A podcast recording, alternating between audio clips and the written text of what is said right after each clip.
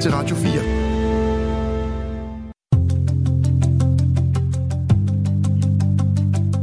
Du kan nu få øh, vidunder slankemidlet Vigovi hos online-klinikker, altså uden at øh, møde op.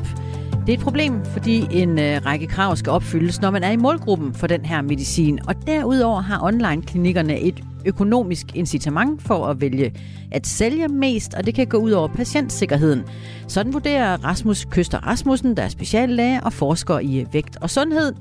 Og du kan høre, øh, hvorfor han mener, at det er et problem, og det er, når klokken er cirka kvarter i syv. Noget af det, som store dele af verden, ikke mindst indbyggerne i Gaza, har ventet på i frygt, ser nu ud til at være sket. Den israelske offensiv er optrappet i Gaza. Der er meldinger om israelske kampvogne i nærheden af, eller i udkanten af Gaza by. Men er det her så et tegn på, at konflikten nu er på sit højeste? Det spørger vi Allan Sørensen, som er mellemøst korrespondent for Kristelig Dagblad om øh, her øh, som det første om et øjeblik her til morgen. Og så øh, kan vi jo konstatere, at det er Halloween i dag. Det er i dag, at øh, børn klæder sig ud som øh, hekse og monstre og skeletter og alt muligt andet uhyggeligt, der går fra øh, hus til hus for at tikke om slik. En amerikansk tradition, der modtages med glæde for mange danskere, men der er også dem, der afskyer traditionen. Vi kommer forbi begge holdninger i løbet af morgenen i dag. Og der kan man jo blande sig. Er man træt af Halloween? Er det, er det øh, noget, amerikanerne og fanden har skabt? Eller, eller er det et, et hyggeligt gys, øh, et lys i mørket? Man kan sende en sms til 1424. Og når du øh, skriver på det nummer, så lander din besked lige her hos os i Radio 4 Morgen. Og det er Christina Ankerhus og... Mette Vibe Utzon. Godmorgen. Godmorgen. Det her er Radio 4 Morgen. Der har været meldinger om øh, eksplosioner i Gaza hen over natten. Ifølge palæstinensisk røde halvmåne har området omkring hospitalet Al-Quds været under tung beskydning. FN's Sikkerhedsråd har i nat dansk tid holdt et ekstraordinært møde om øh, situationen, og vi ved jo, at den israelske offensiv er optrappet i øh, Gaza. Der er set israelske kampvogne i udkanten af Gaza by, og i øh, sidste uge var der meldinger om israelske landtropper inde i Gaza, der dog hurtigt trak sig ud igen, alt sammen til forberedelse for noget meget større blev det meldt ud på det tidspunkt. Men nu ligner det, at tropperne er kommet for at blive, og det er du enig i, Allan Sørensen, mellemøstkorrespondent for Christi Dagblad. Godmorgen. Hej, godmorgen. Ja. Og, og ja, det er jeg enig i. De, ja. øh, de israelske soldater er, er inde i Gaza, og de, det ser ud til, at de er kommet for at blive i hvert fald det næste stykke tid. Hvad er seneste nyt, du ved fra området? Øh, jeg, jeg har det kun fra palæstinensiske kilder, fordi israelerne ikke vil afsløre deres øh, krigsplaner, og det, øh, det retter de, me- de israelske medier sig også efter. Altså, de er under en form for censur og kan ikke afsløre, hvor hæren præcis befinder sig. Men det, det ser ud til, er, at øh, en del af den israelske offensiv deler Gaza i to, altså nord-syd, ved at skære ind øh, på midten øh, med, med tropper og med kampvogne. Og så kommer der øh, israelske styrker nordfra os, som presser ned mod syd. Og det betyder altså, at det, der er ved at opstå, det er en, en omringning af selve Gaza by. Og når du øh, fortæller, at du ved det fra øh, palæstinensiske kilder, hvor er de henne? Altså, hvor langt inde i området hører du nyt fra? Jamen lige, lige fra der, hvor soldaterne er. Altså de, de palæstinenser, jeg taler med, de kan se de israelske kampvogne, de kan se de israelske soldater operere på landjorden, og de kan se, hvordan øh, israelerne gradvist øh, rykker frem. Øh, altså øh, nogle gange kun 100 meter i løbet af, af, af nogle timer, og andre gange mere alt efter hvor mange kampe der er i området. Øh, plus at, at vi selvfølgelig kan se røgskyer, og det kan palæstinenserne også, øh, røgskyer fra de områder, hvor kampene finder sted. Allan Sørensen, du, du, du sagde i, øh, i, i noget af dit første svar, sagde du, at der kommer de til at blive et, et stykke tid endnu, øh, de israelske tropper. Hvad mener du med det? Øh, jeg mener, at, at, øh, at altså, i øjeblikket er herrens mål og det står de også fast på. Øh, vi hører den israelske, øh, det israelske militærs talsmand, Daniel Hagari, øh, to gange om dagen holder han en pressekonference, og han siger, at målet er stadigvæk at, at øh, nedkæmpe Hamas. Og for at opnå det mål, øh, så, er, så er Israel nødt til at holde sine tropper inde i Gaza. Og hvis vi ser på, hvor, hvor hurtigt de skrider frem, det kan godt ske, at, at mange mener, at det er gået stærkt nu, altså fra nord mod syd og, og nå ned til Gaza by. Men Israel forventer, at de øh, alvorlige, de, de meget omfattende kampe netop vil finde sted i Gaza by, hvor øh, ifølge Israel, hvor, hvor størstedelen af, af Hamas' øh, medlemmer, de, de opholder sig, Hamas' krigere, eller hvad man kalder dem, de opholder sig i Gaza by, og specielt i tunnelnetværket under Gaza by. Der har været øh, møde i øh, FN's Sikkerhedsråd hen over natten, og, øh, og derfra der refererer The Guardian, at øh, UNICEF's administrerende direktør, Catherine Russell, har øh, fortalt, at, øh, at de jo nu siger, naturligvis måler den her krig i, øh, i børns liv, og hun øh, fortæller, at øh, mere end 420 børn bliver dræbt eller såret i Gaza hver eneste dag. Et tal, der bør ryste hver enkelt af os, siger hun. Og så øh, henviser hun til øh, tal fra det palæstinensiske selvstyres sundhedsministerium, der ikke er bekræftet af uafhængige kilder. Og det øh, kommer vi jo nok til noget tid ikke at kende tabstallene præcist i områderne her. Men hvad taler man om, hvor øh, du er, Allan Sørensen, om tabstal? Jamen, det er de samme tabstal, øh, Israel opererer med, øh, men de bliver taget med, øh, alligevel bliver de taget med et grænsal. Altså, man ved ikke, om det er øh, 7.000 døde i alt i øjeblikket, eller det måske er 5.500 eller 8.000. Men øh, man ved godt, at det er rigtig mange mennesker, og man er meget opmærksom øh, på øh, den her øh, eskalerende humanitære katastrofe. Igen, øh, på den anden side, så mødes det her øh, argument, øh, også fra Israels side, altså de, de israelerne siger, at jamen okay, vi har jo givet øh, folk, og vi har opfordret palæstinenserne i Gaza til at rykke sydpå. Så øh, hvis de ønsker at være uden for kampområderne, jamen så skal de rykke sydpå. Men den, øh, det kan man sige, hvis set med internationalt set, så holder den øh, ikke helt, fordi undskyld, øh, Israel bomber også i de sydlige egne i øjeblikket. Og det ved jeg øh, dels fra israelerne selv, men også fra palæstinensiske kilder, der, der, der netop er drevet sydpå, men som stadigvæk opholder sig i områder, der bliver bombet øh, næsten dagligt. Så der er i øjeblikket ikke nogen sikre steder at opholde sig i Gaza. Så når der bliver øh, fortalt om øh, nødhjælp i, i form af 45 lastbiler, der nåede ind i øh, Gaza med nødhjælp i går, hvor meget øh, nytter det så, 45 lastbiler?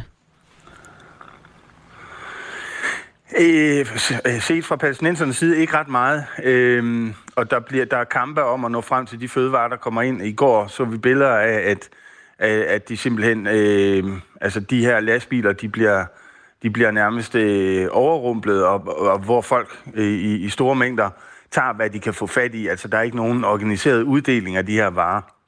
Og det er jo noget, der, der tyder på, at, at situationen er, er temmelig græld inde i Gaza. Omvendt set, så siger Israel, at der ikke er nogen øh, akut mangel på hverken medicin, fødevarer eller sågar brændstoffer, som ikke er kommet ind her i løbet, af de seneste uger. Altså Israel siger nej til brændstof, øh, fordi det er, det er det, der driver Hamas' tunnelsystemer blandt andet. Og derfor ønsker Israel at, at skabe en situation, hvor Hamas muligvis løber tør for brændstof. Men øh, den her, det her israelske udsagn, det står jo i kontrast til, til hvad vi ser på billederne, og, og hvad palæstinenserne selv siger, netop at de mangler medicin og, og fødevarer og, og drikkevand. Øh, noget så basalt som drikkevand. Men der, øh, der holder Israel altså fast på, at der er stadigvæk varer nok øh, inde i Gaza.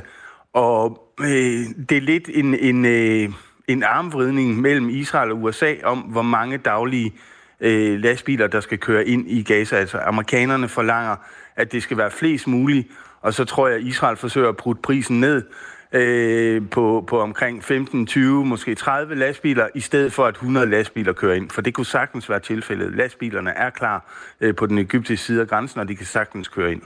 Men Allan altså, Sørensen, samtidig så læste, jeg tror det er Læger Uden Grænser, som siger, lige nu er situationen sådan, at man er nødt til at amputere lemmer på for eksempel børn uden bedøvelse, fordi man simpelthen mangler det helt almindelige, basale hospitalsudstyr. Øhm, så, så, så det er vel igen en kamp også om, øh, om sandheden, eller hvad skal man, altså det, det er vel, det er vel øh, øh meget kontrastfyldt. Hvil, hvil, hvilken, hvilken interesse skulle israelerne have i at holde tilbageholde medicin? En ting er brændstof, men hvorfor medicin?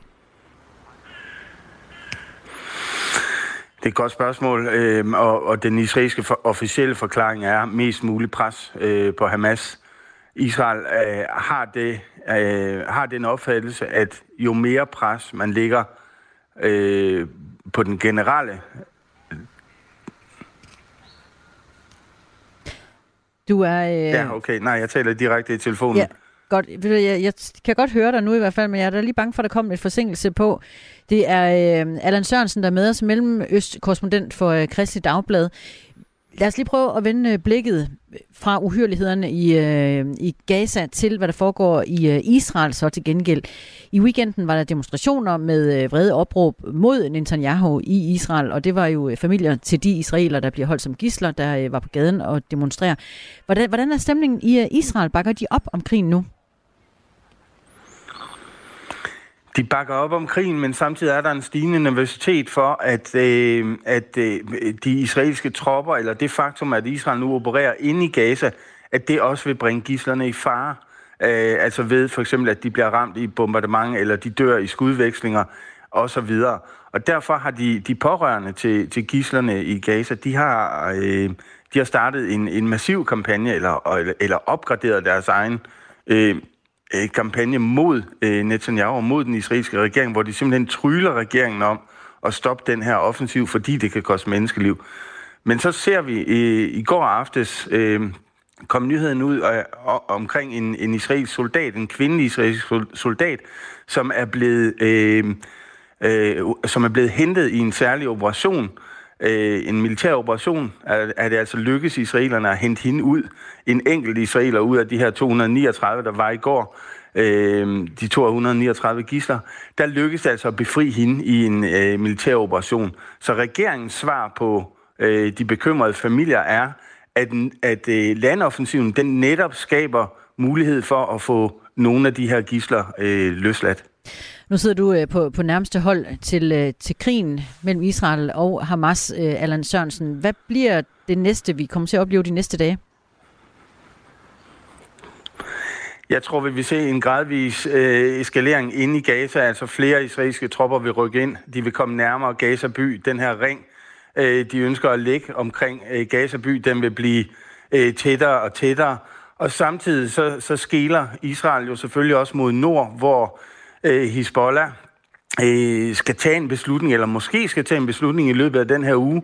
Øh, generalsekretær Hassan Nasrallah, han skal holde øh, tale på fredag, og det er noget, alle venter på, fordi øh, det endnu ikke står klart, hvilken, hvilken vej Hezbollah ønsker at gå. Altså vil man hjælpe Hamas i Gaza ved at åbne en front mod Israel, i det, i, altså mod nord fra Libanon ind i Israel, eller vil man blive ved med, øh, som det sker i øjeblikket, at føre en eller anden form for øh, lavintensitetskrig mod Israel. Det, det er virkelig noget, øh, øh, øh, både israelerne, men også hele regionen er opmærksom på i den her uge. Allan Sørensen, Mellemøst-korrespondent for øh, Kristi Dagblad. Øh, tak fordi du var med i Radio 4 morgen. Det var så lidt. Og øh, Mariemme har øh, reageret på øh, sms'en og skriver, hvor er det forfærdeligt, og øh, at den eneste måde, man kan lægge pres på Hamas, er at ofre menneskeliv. Kommer det fra øh, Mariemme, og, øh, som også giver udtryk for, hvem, hvilken side hun står på i, øh, i krigen. Du kan også øh, reagere på sms'en. Nummeret herind er øh, 1424, og øh, vi kommer til at tale videre om Israel og Palæstina-konflikten i løbet af morgenen og resten af ugen. Vi øh, prøver nemlig at søge svar hos øh, Folketingets partier og øh, politikere på, hvad bliver den bedste løsning på konflikten? Hvilket udfald af konflikten vil øh, være øh, bedst set med de politiske øjne på Christiansborg? Det begynder vi, øh, når klokken er kvart i otte, hvor vi har Jeppe Sø, udenrigsordfører for øh, Moderaterne, med. Det her er Radio 4 morgen. Og så skal vi hjem til Danmark, hvor coronasmitten er stigende. Faktisk er den ifølge Statens Serum Instituts seneste opgørelse over covid-19-virus i vores spildevand, hvor man jo måler den slags, endda i kraftig vækst, som det hedder. Og selvom mange af os nok har fået et mere afslappet forhold til corona, så er der stadigvæk grund til at udvise forsigtighed, siger Viggo Andreasen, som er lektor i matematisk epidemiologi på Roskilde Universitet, og som også kan fortælle, at mellem to og fem mennesker er døde af corona om dagen siden september. Godmorgen og velkommen, Viggo Andreasen. Ja, godmorgen. Vi har måske vendet os lidt til at betragte corona som en infektion på lige fod med influenza. Det har vi jo også lært, at vi skal. Men den her sygdom er altså potentielt øh, meget mere alvorlig. Så altså re- med respekt for dem, som jo har mistet familiemedlemmer øh, til corona, er det her med de to og de fem, er det få eller mange i statistikken? To til fem om dagen, som er døde af corona siden september? Ja, jeg kan starte med lige at sige, at, at øh, det her med, at vi sammenligner corona med influenza, det er måske sådan lidt en sproglig misforståelse, fordi øh, hvis vi i daglig tale siger, at vi har haft influenza, så mener vi, at vi har haft sådan lidt småfeber og måske øh, været lidt forkølet. Men når, når man blandt læger taler om øh, influenza, så taler man om helt bestemt sygdom, der skyldes øh, det, der hedder influenzavirus. Og den er altså noget mere ubehagelig. De fleste af os har haft den. Øh, den er karakteriseret ved ret høj feber, og den er faktisk ganske alvorlig. Øhm, og hvis, hvis man skal sammenligne øh, corona med sådan en, en rigtig influenzaepidemi, så kan der altså nemt øh, være 10-20 dødsfald om dagen fra en influenzaepidemi. Mm-hmm. Så på den måde er, er influenza en ganske alvorlig sygdom. Så var en influenzaepidemi lidt kortere end ja. corona.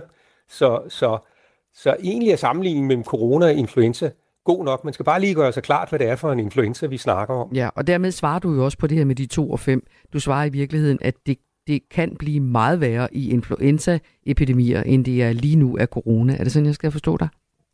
Ja, mm. det, det, sådan er det også. Ja. Man skal nok regne med, at i løbet af de næste måneder, så stiger det her antal dødsfald øh, lidt. Men, men det er sådan set ikke rigtig voldsomt i forhold til, hvad man godt kan opleve under en influenzaepidemi. Øh, Det lyder jo mange, ikke også? Men er det, hvem, hvem, er det, der, hvem er det, der ikke kan tåle at have corona, hvis man kan sige det på den måde? Hvem er det, der dør af corona? Det er øh, først og fremmest den ældste del af befolkningen, og så er der også øh, personer med øh, problemer med åndedrætssystemet først og fremmest. Mm-hmm. Hvad, hvad, hvad, Øh, og det ligner igen lidt øh, mønstret fra influenza. Og, men, og når så de her spildevandsprøver, det er jo på mange måder går ud fra super smart, at man ligesom kan se i spildevandet, man kan simpelthen se, hvem, hvor, hvor, hvor meget smitte der er. Hvad lægger du så i, at den her overvågning viser en kraftig vækst? at det er nok et samspil af to faktorer. Den ene er, at den immunitet, man opnår efter at have været smittet med, en, med corona, eller efter at have fået en, en vaccine, den holder kun nogle måneder, måske et halvt års tid. Øh, Øh, så kan man godt blive smittet igen og smitte andre. Øh, Så, så rigtig mange af os var jo smittet sidste forår, eller sidste vinter, og den immunitet, den er ved at være godt slidt. Og samtidig kommer vi jo nu ind i den sæson, hvor corona øh, spreder sig nemmest. Så de to faktorer til sammen gør, at vi ser denne her stigning. Og, og hvor godt, altså nu siger du det her med, at, at uh, immunitet, hvis man kan kalde det, det aftager. Ikke? Altså lidt ligesom med vaccinationer, så skal man ligesom genvaccineres for at blive ved med at have en eller anden form for immunitet, eller i hvert fald modstandskraft, det er sådan, jeg forstår dig. Så, så hvad kan man gøre nu, hvis man er i ud, den udsatte gruppe? Ja, man kan først og fremmest blive vaccineret en gang til.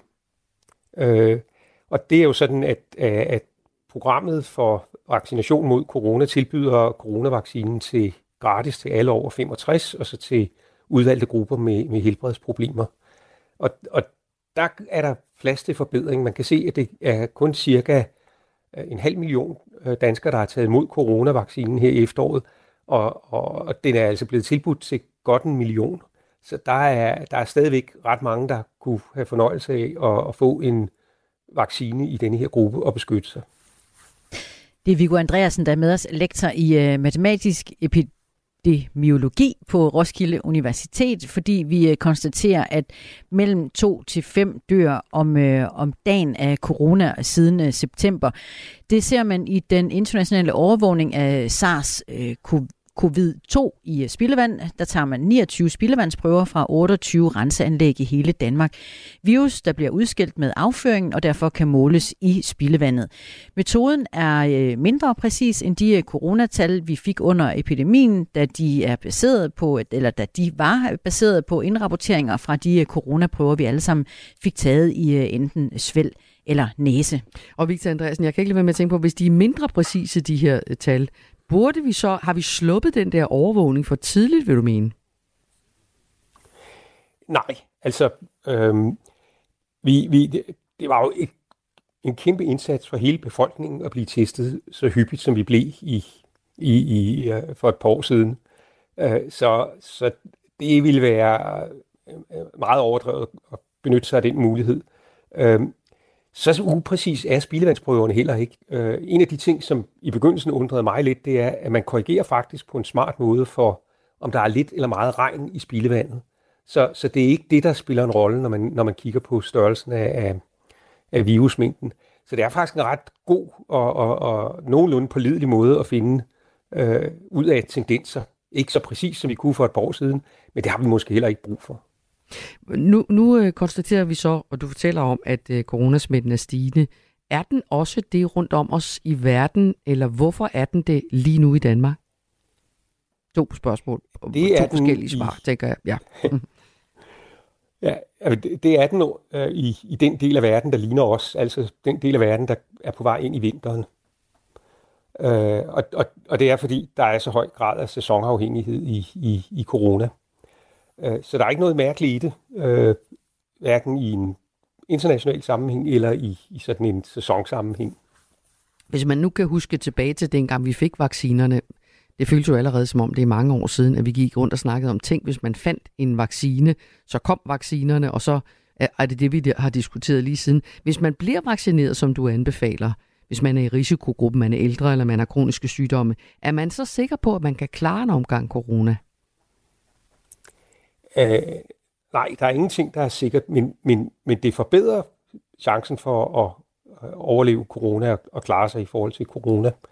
Faktisk har vi lidt svært ved at sige præcis, hvor meget det forbedrer, fordi de første par gange, øh, de første par sæsoner her, der har så stor en del af de ældre blevet vaccineret, at der er så få tilbage, som var uvaccineret, at, at, at vi ikke rigtig kan, kan, kan sige, hvor galt det gik. Men vi kan se i, i de perioder, hvor vi begyndte vaccinen, at den faktisk øh, hjælper øh, rigtig meget. I den første sæson var det en, en, øh, måske en risikoen blev reduceret med en faktor 5. Så der var fem gange så stor chance for et rigtig alvorligt udfald, hvis man øh, ikke var vaccin, øh, vaccineret, så hvis man var vaccineret. Viggo Andreasen, der er kommet et spørgsmål til dig på øh, vores sms på nummeret 1424. Det er Jesper, der spørger dig, om du ved, om det er af eller med coronavirus, at folk dør, er man kommet det nærmere, for det har jo altid været et stort tema, konstaterer Jesper. I den nuværende situation er det helt bestemt af corona. Det her fænomen med, at man kunne dø med corona, det var på det tidspunkt, hvor vi testede rigtig meget.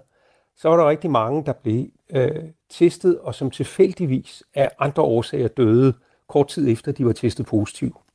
Men nu, lige nu er der jo ikke ret mange, der tester positivt. Jeg tror, vi har øh, udfører omkring 6.000 test om dagen. Øh, så der er ikke ret mange, der tester positivt ved et tilfælde, og så dør noget andet.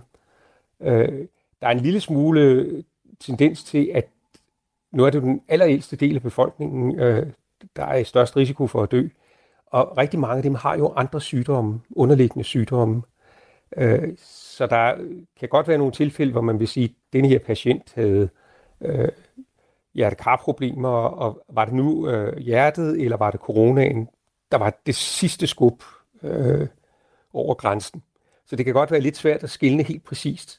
Men, men det er slet ikke den problemstilling, vi så for et par år siden, hvor der var en helt, helt dødsfald mm. blandt dem, der havde testet positiv, som skyldtes noget helt andet. Og øh, det var jo også den gang i, i gamle dage, jeg skulle til at sige, at vi gik med, øh, med mundbind og havde restriktioner. Der er kommet en øh, venlig hilsen fra en lytter, der kalder sig S, som, øh, som nævner netop restriktioner og, øh, og mundbind og skriver, at det kommer ikke til at ske. Der er jo heller ikke noget af det, du fortæller, Viggo Andreasen, der får os til at gå i den retning, vel?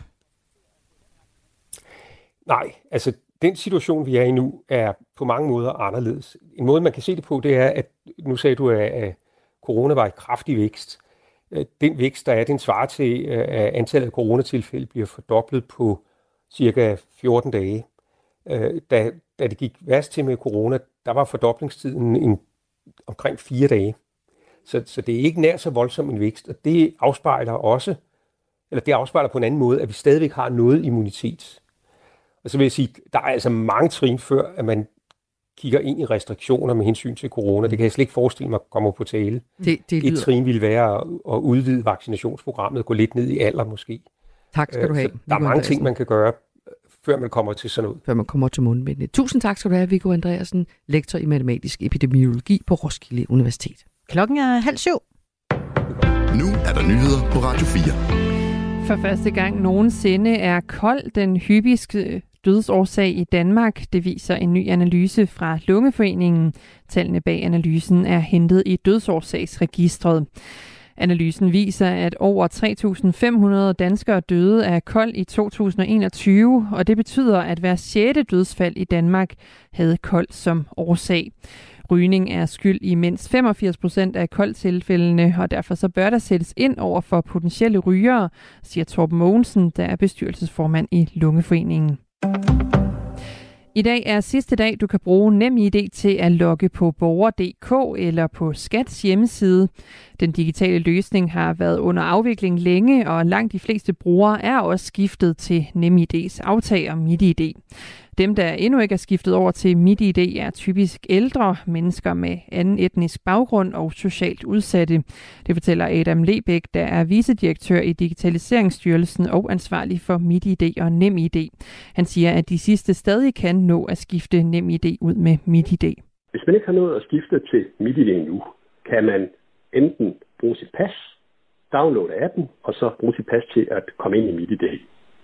Hvis man ikke har et pas, eller man ikke kan have en telefon, hvor man kan scanne passet med, så kan man møde op i borgerservice og få hjælp til at komme over på MitID. Det er dog lykkedes for langt de fleste at skifte til MitID. 98 procent af borgerne over 15 år har oprettet et MitID. Hvis du regner med at købe julegaverne til Black Friday, så skal du være på vagt. Priserne på en række produkter er nemlig blevet sat op, så butikkerne kan sælge dem som såkaldt falske tilbud om en lille måned. Prissammenligningstjenesten PriceRunner har i en undersøgelse fundet frem til, at en større andel varer er blevet sat op i pris siden august. Butikkerne de forventer måske ikke at sælge særlig meget her i tiden inden Black Friday, fordi at alle venter på det her meget store udsalg, der kommer i øh, slut november. Så derfor er det oplagt for dem at sætte priserne op lige nu, fordi de så øhm, kan sænke priserne under Black Friday og dermed øh, annoncere en stor flot rabat og tiltrække flere kunder siger Katrine Barslev, der er forbrugeranalytiker hos PriceRunner. Tjenesten har fuldt 36.000 varer, hvor godt en fjerdedel af varerne er gået op i pris siden januar. Hos Forbrugerrådet Tænk siger de også, at man skal være opmærksom på prisernes udsving omkring Black Friday. Seniorjurist Martin Brun Hovmølle siger, at der er regler, der skal beskytte forbrugerne mod kunstigt høje priser og falske tilbud. Men altså, alle regler kan jo brydes, og derfor så er det jo nok øh, meget, meget vigtigt, at man som forbruger, hvis man ikke vil falde i de her fælder, at man er super opmærksom på, øh, hvor gode de her tilbud egentlig er, og at man måske tjekker nogle historiske priser, før man køber. Black Friday løber af stablen den 24. november i år. Mange bilister sidder fast i en lang kø på den norske motorvej E18, der ligger tæt på grænsen til Sverige. Det skrev det norske nyhedsbureau NTB. Nyhedsbureauet skrev i aftes, at der er flere kilometers kø på motorvejen. Køen skyldes en lang række lastbiler med sommerdæk, der er kørt fast på grund af sne. Mange af bilerne har siddet fast i køen i timevis. Politiet har kaldt Røde Kors ud for at forsyne bilisterne med vand og tæpper, hvis de har behov for det. På grund af situationen er E18 lukket, hvilket den også vil være frem til klokken 8 her til morgen, skriver NTB. Det bliver overskyet med udbredt og vedvarende regn. I den nordvestlige del af Jylland kommer der dog også mest tørt vejr. Temperaturer mellem 3 og 12 grader. Koldest i Jylland og en lidt til frisk vind fra nord. Det var nyhederne her på Radio 4. De var læst og redigeret af Anne Sofie Felt. Du lytter til Radio 4. Hvor klokken er blevet... Velkommen til Radio 4 morgen. Husk, og velkommen. du kan sende os en sms på 1424. Har du ikke lært, at man jeg... ikke må tale i munden på hinanden med det? Nej, og hvis du... Nu taler vi alle sammen i munden mm. på hinanden, så nu vil jeg gerne undskylde over for lytterne, at jeg nu for anden gang i min, uh, mit nye liv som, som jeres morgenvært her i Radio 4, kommer til at tale ind over jinglen, fordi jeg ikke ved, hvornår den stopper. Men uh, det beklager jeg, men uh, det jeg egentlig ville sige, det var, at uh, klokken er nu uh, 6.34, og jeg kan bekræfte vejrudsigten her i Aarhus, når man kigger ud af vinduet fra studiet. Der regner det og det er mørkt, og det ser på alle måder ikke særlig appetitligt ud, må man godt sige. Ikke? Men lad os prøve alligevel at få øh, dig, jer, der lytter med, godt op og øh, afsted og i gang med øh, tirsdagen her hvor klokken er 5 minutter over halv syv. I studiet er det Mette Vibe Utzon og Christina Ankerhus. Godmorgen. Godmorgen. Det her er Radio 4 morgen. Sagen om den 17-årige Fahad Tober fra Vejle, drengen, den unge mand, der har været efterlyst i halvandet år, har taget en øh, ret så meget ny drejning. For øh, Farhat Tobers familie vidste åbenbart udmærket godt, hvor han var undervejs i den tid, han blev øh, efterlyst. Så lyder udmeldingen fra Sydøstjyllands politi nu. Ifølge politiet fik øh, politiet allerede i april oplysninger om, at Farhat blev holdt skjult af sin familie, og i sidste uge blev han genforenet med sin familie i Tyskland. Det er altså politiets øh, nye udmelding, men der er mange modsatrettede oplysninger i den her sag, så lad os prøve at samle op på nogle af dem. Sydøstjyllands politi siger altså nu til Vejle Arms Folkeblad, men det, det er noget nyt, det har de ikke sagt tidligere, at de i juni i år fik oplysninger om, at Fahad Tober opholdt sig i Tyskland, og at han var i kontakt med sin mor.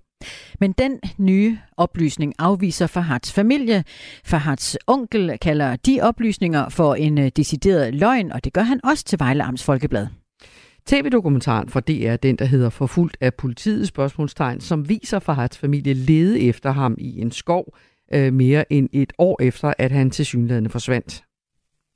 Og i øh, samme dokumentar, ja, der dokumenteres det, at politibetjente lyver i retten vedrørende en anholdelse af Fahads familiemedlemmer.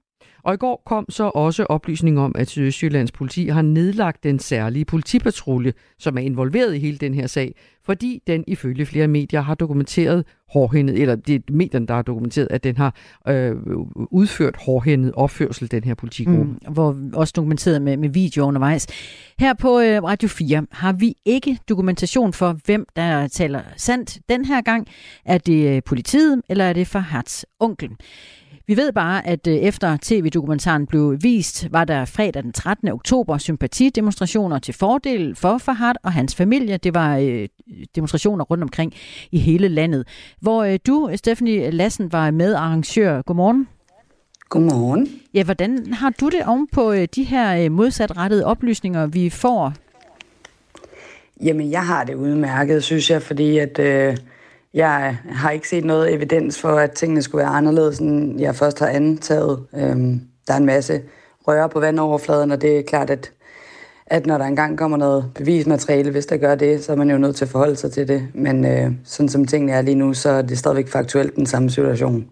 Det vi øh, ved, som vi refererer her til morgen, det er øh, fra Vejle Amts Folkeblad, hvor øh, til Sydøstjyllands politi har sagt, at de altså har vidst længe, at Fahad han øh, opholdt sig øh, et sted, hvor familien var bekendt med, at han var.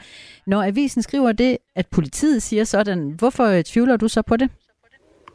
Jamen det gør jeg jo øh, ret logisk set, fordi at de jo ikke har været super sandfærdige i den her sag i forhold til både retten øh, og til udmeldinger øh, til, til pressen førhen. I øh, stolede på øh, DR's dokumentar om, at der havde været øh, chikane fra politiets side rettet mod Fahads familie. Hvorfor ikke tro på en avis som Vejlams Folkeblad?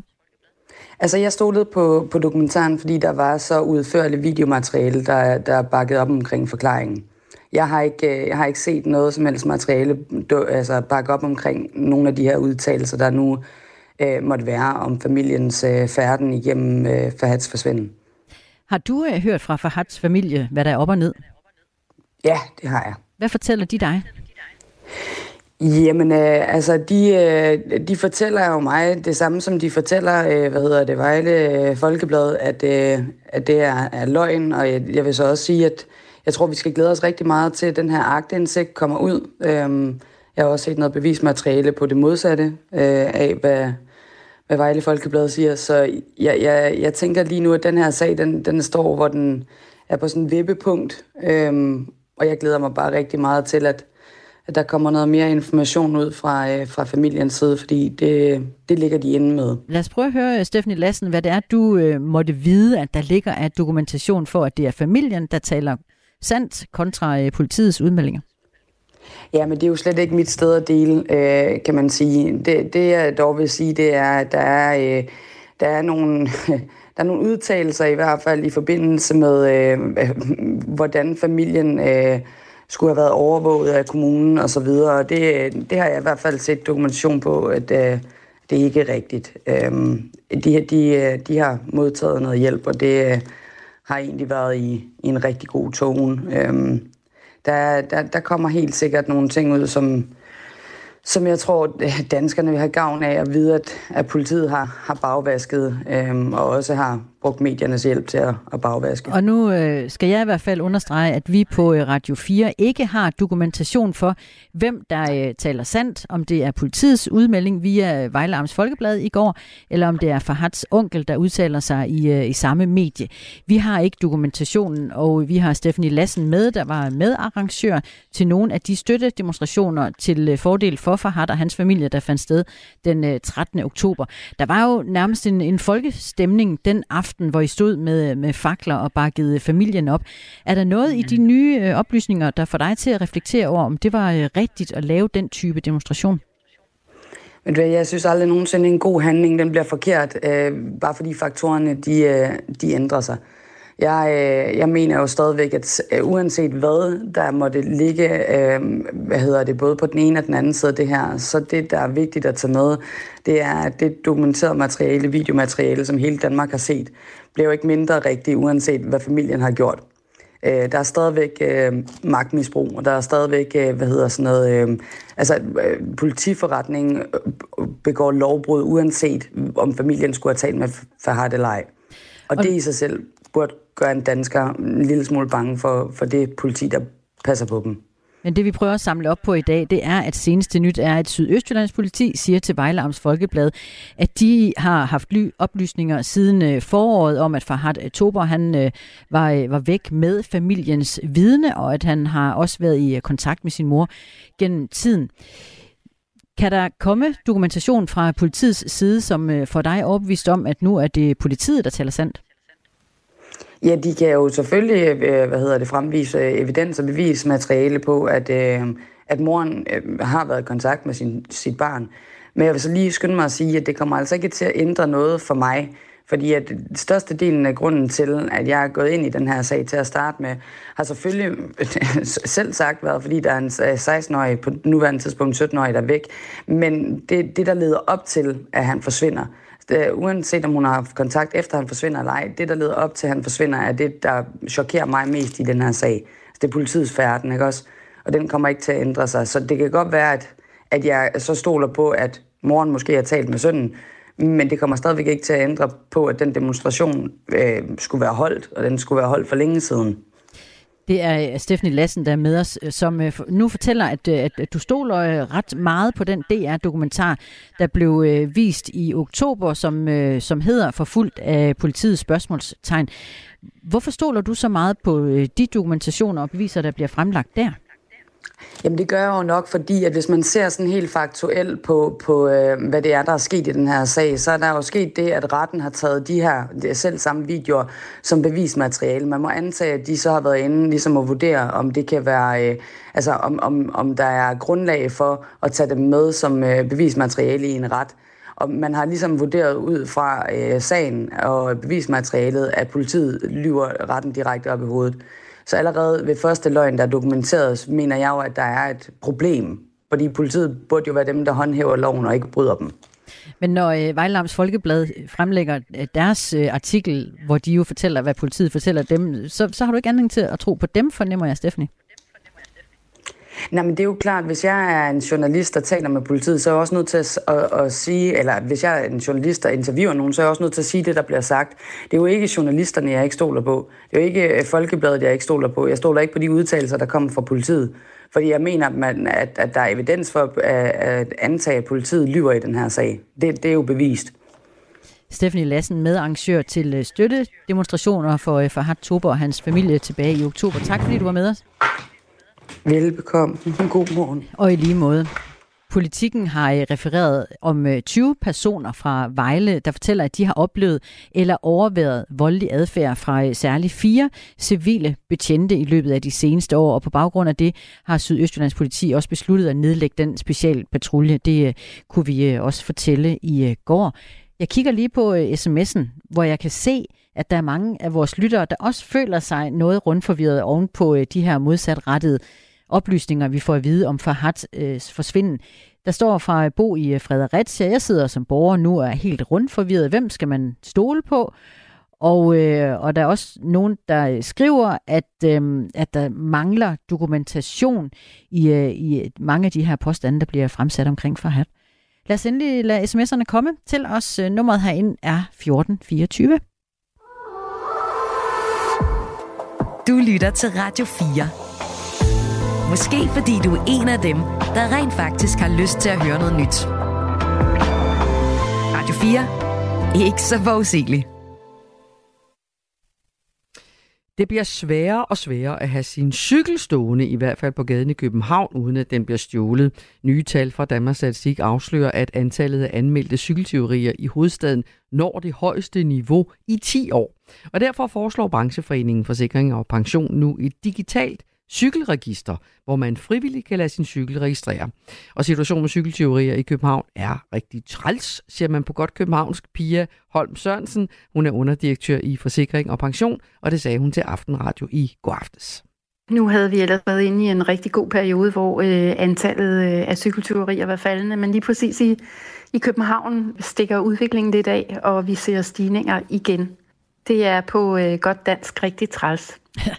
Det er svært at sige præcis, hvorfor stigningen kommer nu. Jeg gætter på, at, øh, at københavnerne de bruger deres cykel rigtig meget. Det gør de blandt andet, fordi vi sådan, øh, gerne vil have den her omstilling til grøn transport. Det er ikke nødvendigvis specielt let at færdes i København med, øh, med en bil, så rigtig mange vælger at tage cyklen, og det er jo super godt på rigtig mange måder. Øh, men, men til gengæld rigtig øh, ufedt, hvis man ikke kan regne med, at man kan have sin cykel i fred. Og det er der desværre rigtig mange københavnere, der oplever øh, hver dag.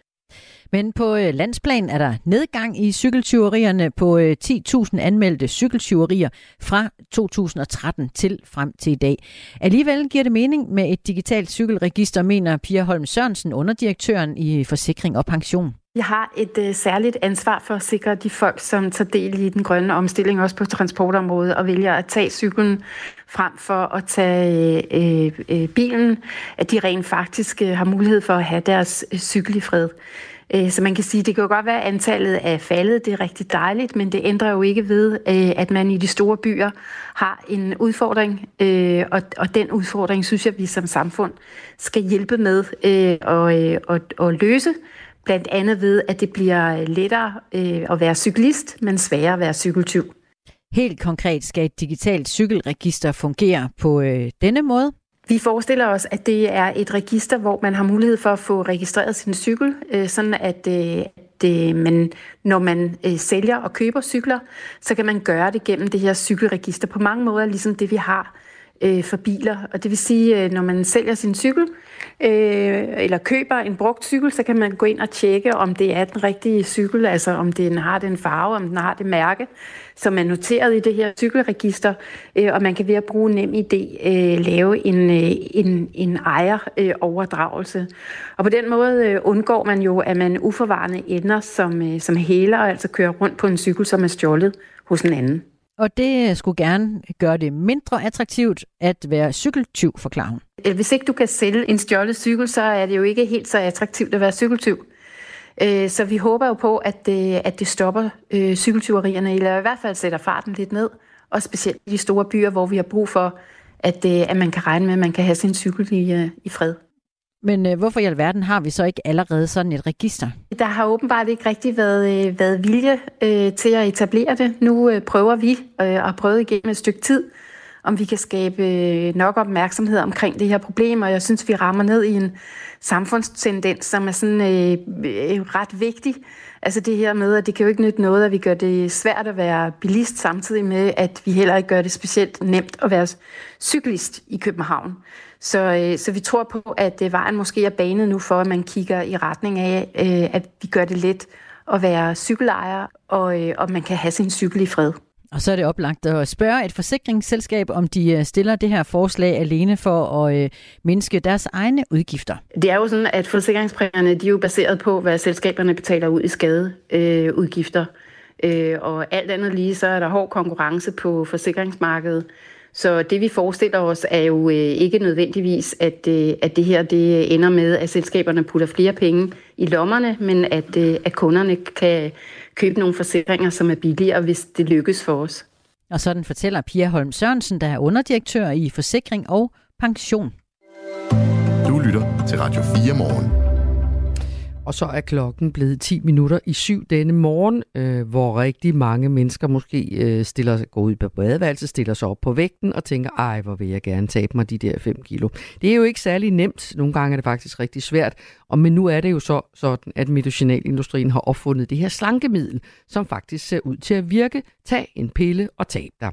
Vegovi hedder den her slankepille fra Novo Nordisk, som de fleste efterhånden nok har hørt om. Den skal ordineres af lægen, men det er ikke alle læger, der siger, at det er en god idé nødvendigvis til alle. Det kan være, at din overvægt måske ikke er særlig alvorlig for din sundhed. Nu kan man så med et enkelt telefonopkald alligevel få adgang til det her slankemiddel. Online lægeklinikker udskriver nemlig slankemidlet Vegovi i stor stil, også uden at se patienterne først. Det fortæller DR. Og det mener du, Rasmus Køster Rasmussen, speciallæge i almen medicin og forsker i vægt og sundhed ved Københavns Universitet, ikke er nogen særlig god idé. Godmorgen til dig, Rasmus Køster Rasmussen. Godmorgen. Godmorgen. Hvor, hvorfor er det en skidt idé, det der med online-klinikker, som ikke ser patienterne, inden de siger, værsgo, her har du en, en tilladelse. En, er det jo ikke en recept, vel, eller hvordan? Øh, jo, altså det giver jo næsten sig selv. Okay. Øh, at øh, man selvfølgelig ikke øh, skal udskrive medicin øh, på, på noget sådan ganske potent. Øh, øh, jo, det er jo egentlig diabetes-medicin. Øh, at man ikke skal udskrive det over telefonen, uden at se patienterne først. Øh, det gør vi jo heller ikke med nogen andre slags øh, medicin. Og det er også, man, øh, nu forstår jeg også, det er mig, der vrøvler, når jeg står og siger, at det er en pille, for det er det ikke. Øh, det, det er en indsprøjtning på samme måde, som diabetikere også skal foretage, ikke? Det er rigtigt, det er korrekt, mm. det er en indsprøjtning, ja. Men hvorfor har man, altså det virker jo som om det nærmest er, er allemands eje efterhånden, den her slanke medicin, ikke? Altså hvorfor er der de her krav til, at man skal se patienten inden? Øh, altså det er jo, kan man sige, det er jo ikke allemands eje. Det er jo en medicin, der skal udskrives af en læge, som er på recept. Ligesom hvis du skulle have blodtrykssænkende medicin eller øh, noget andet medicin, antibiotika. Øh, så, øh, så det er ikke alle mands eje. Det er noget, der skal udskrives af en, en læge, så der skal være en læge, som synes, det er en god idé. Øh, og så øh, skal der jo så også være nogle patienter, som gerne vil have det og, og normalt så plejer det jo at være sådan, at, at, at patienter ikke gider at have medicin, hvis de kan slippe for det. Mm. Øh, men, men nu er vi i en situation, hvor, hvor, der er, hvor det er meget populært at, at, at få det her medicin. Men, det er det, jeg men mener øh, med der skal stadigvæk være en læge, der gerne vil udskrive det. Mm. Ja. Mm. Og der er jo altså udstedt, forstår jeg, øh, op mod 400.000 recepter, så på den måde også allemandseje. Det kan være, du øh, øh, støder dig på det ord, men i hvert fald er det jo blevet meget almindeligt. Øh, men hvis man, hvis man, hvorfor skulle online-klinikker, så kan jeg måske også spørge, ikke have det samme, de samme grunde til at, at udskrive recepter på det her slankemiddel som praktiserende læger? Jamen, det er jo grundlæggende fordi, at det er jo det, som... Altså, der er jo et, et økonomisk incitament i det her. Det er jo det, der er hele eksistensgrundlaget for online-klinikkerne. Det er jo, at de tjener penge på det, og de tjener penge på hver patient, som de får ind i møllen. Øh, og sådan er det jo ikke med de praktiserende læger. De får jo, kan man sige, penge, uanset om de udskriver medicin til dig eller ej. Det, det, det er ikke afhængigt af, at altså, de tjener ikke penge på, at du tager en bestemt medicin. Mm-hmm. Øh, og derfor så kan man også være sikker på, at lægen giver den bedste rådgivning, som øh, lægen overhovedet er i stand til at give den mest neutrale rådgivning omkring, om man skal have øh, en, en, en bestemt slags medicin. Øh, hvor, øh, hvor, hvor lægen ikke ja, kan tjene penge på, at hvis han, han får dig hooked på den her medicin. Og, og sådan er det jo med online-klinikkerne. Der kan man jo godt være bekymret for, at, øh, at øh, når nu det er øh, selve deres eksistensgrundlag, at de måske ikke informerer helt neutralt om, hvad det er, den her medicin kan, og hvad det er for nogle begrænsninger, der er i det. Og, og samtidig så skal man forstå, at de taler jo ind i en verden, hvor det er meget, øh, kan man sige, øh, ja, altså det, det, det, er, det er set ned på at være tyk, og, og, og derfor vil der være mange mennesker, som drives til de her klinikker øh, på grund af skam og på grund af, ja, for at, at, at for at opnå social anerkendelse osv. Der er en masse motiver i det her, som ikke bare handler om at behandle tallet på en vægt, øh, men, men som, som er øh, ganske kompliceret problemstilling.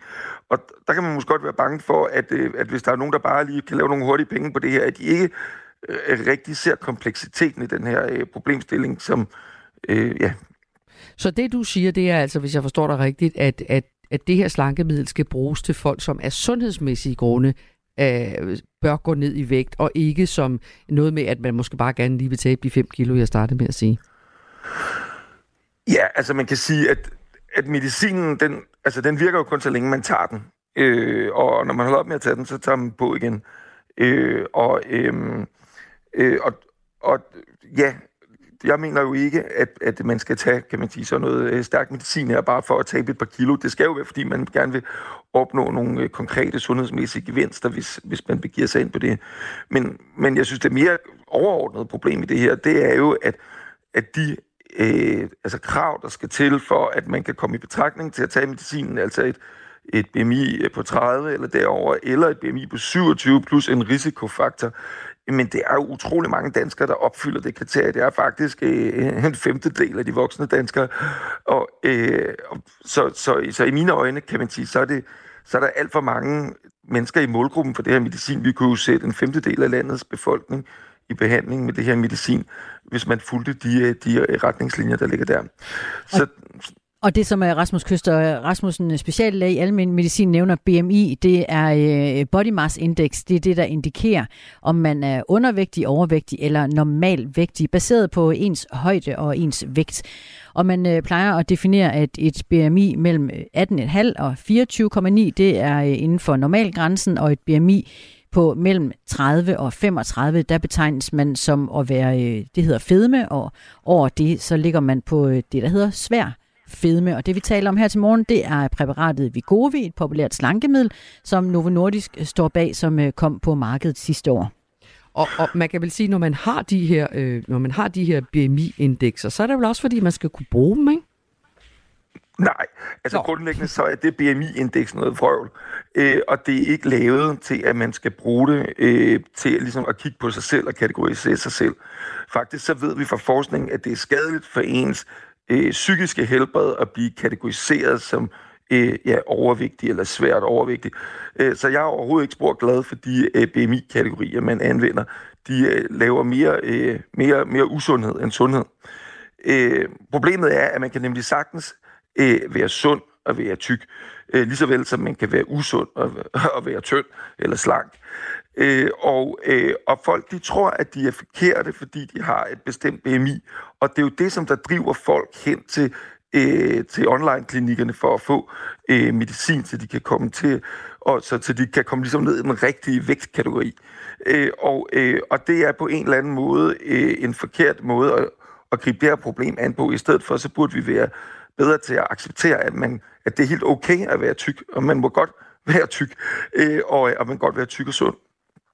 Nu, nu er det her jo noget, som, som det anslås, øh, forstår jeg, at øh, omkring øh, knap en million danskere har et BMI på 30 og derovre. Det er jo ret mange mennesker, og det er jo dyrt for samfundet, når så mange patienter skal til lægen for at få slanke medicin og skal gå til kontrol osv. osv.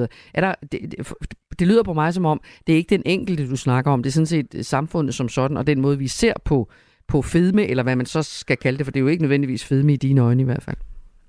Nej, jeg tror, altså fordi jeg kan egentlig utrolig godt forstå de mange mennesker, som, øh, som drømmer om et vægttab, fordi det er så forkert. Det bliver set ned, sådan ned på, og det bliver opfattet som forkert at, at have en, et højt vægt i vores øh, samfund. Og så kan man sige, og, og i mine øjne er det en, en, foregår der en diskrimination, øh, og det er ikke bare i mine øjne, det er meget veldokumenteret, øh, at der foregår en diskrimination af mennesker, som, øh, som er tykke i samfundet, og ja, man bliver fravalgt som partner, man bliver øh, fravalgt som til forfremmelse på arbejdspladsen, men får mindre i løn og dårlige karakterer i skolen osv. Det, det kører gennem, øh, igennem hele livet, og kan man sige i stedet. Så jeg kan godt forstå de mennesker, der gerne vil være tyndere, øh, men måske hvis vi som samfund skulle tage, tage fat på det på en mere rationel måde, så i stedet for at, at behandle folk med medicin, så burde vi tage fat på og øh, på at se på den her øh, stigmatisering, vækststigmatisering, der finder sted, mm. og, øh, og gøre os bevidste om det og, og stoppe med det. Det er den mere langsigtede løsning. Klokken lidt over 8, der kan du øh, og alle andre lytte med, når vi snakker med læge Jesper Nygaard, som har klinikken Fit for Livet. Han arbejder med vægttab, og han har udskrevet gruvi til øh, flere end 3.000 patienter i år. Jeg er ret sikker på, at han vil sige, at det her er ikke et problem, hvis alle er glade. Hvad vil du sige til ham her kort til sidst, så man siger, når tiden er ved at være gået? Ja, altså jeg tror ikke, at øh, man nødvendigvis bliver glad af et vægttab. Det tror jeg er en øh, myte. Øh, så øh, jeg tror, at øh, jeg tror også, at man må se på, at øh, at der er rigtig mange mennesker, som netop bliver lokket af den her myte, mm. og som bliver lovet med vejet vægttab, og, øh, og, og, og, og har en, en drøm tak. om et bedre liv, hvis de tak. taber sig, men i realiteten så er det ikke det, sikkert, at man, øh, at man opnår det. Tak skal du have, Rasmus Kyster Rasmussen, speciale i almindelig medicin. Klokken syv. Du har lyttet til en podcast fra Radio 4. Find flere episoder i vores app, eller der, hvor du lytter til podcast. Radio 4. Ikke så forudsigeligt.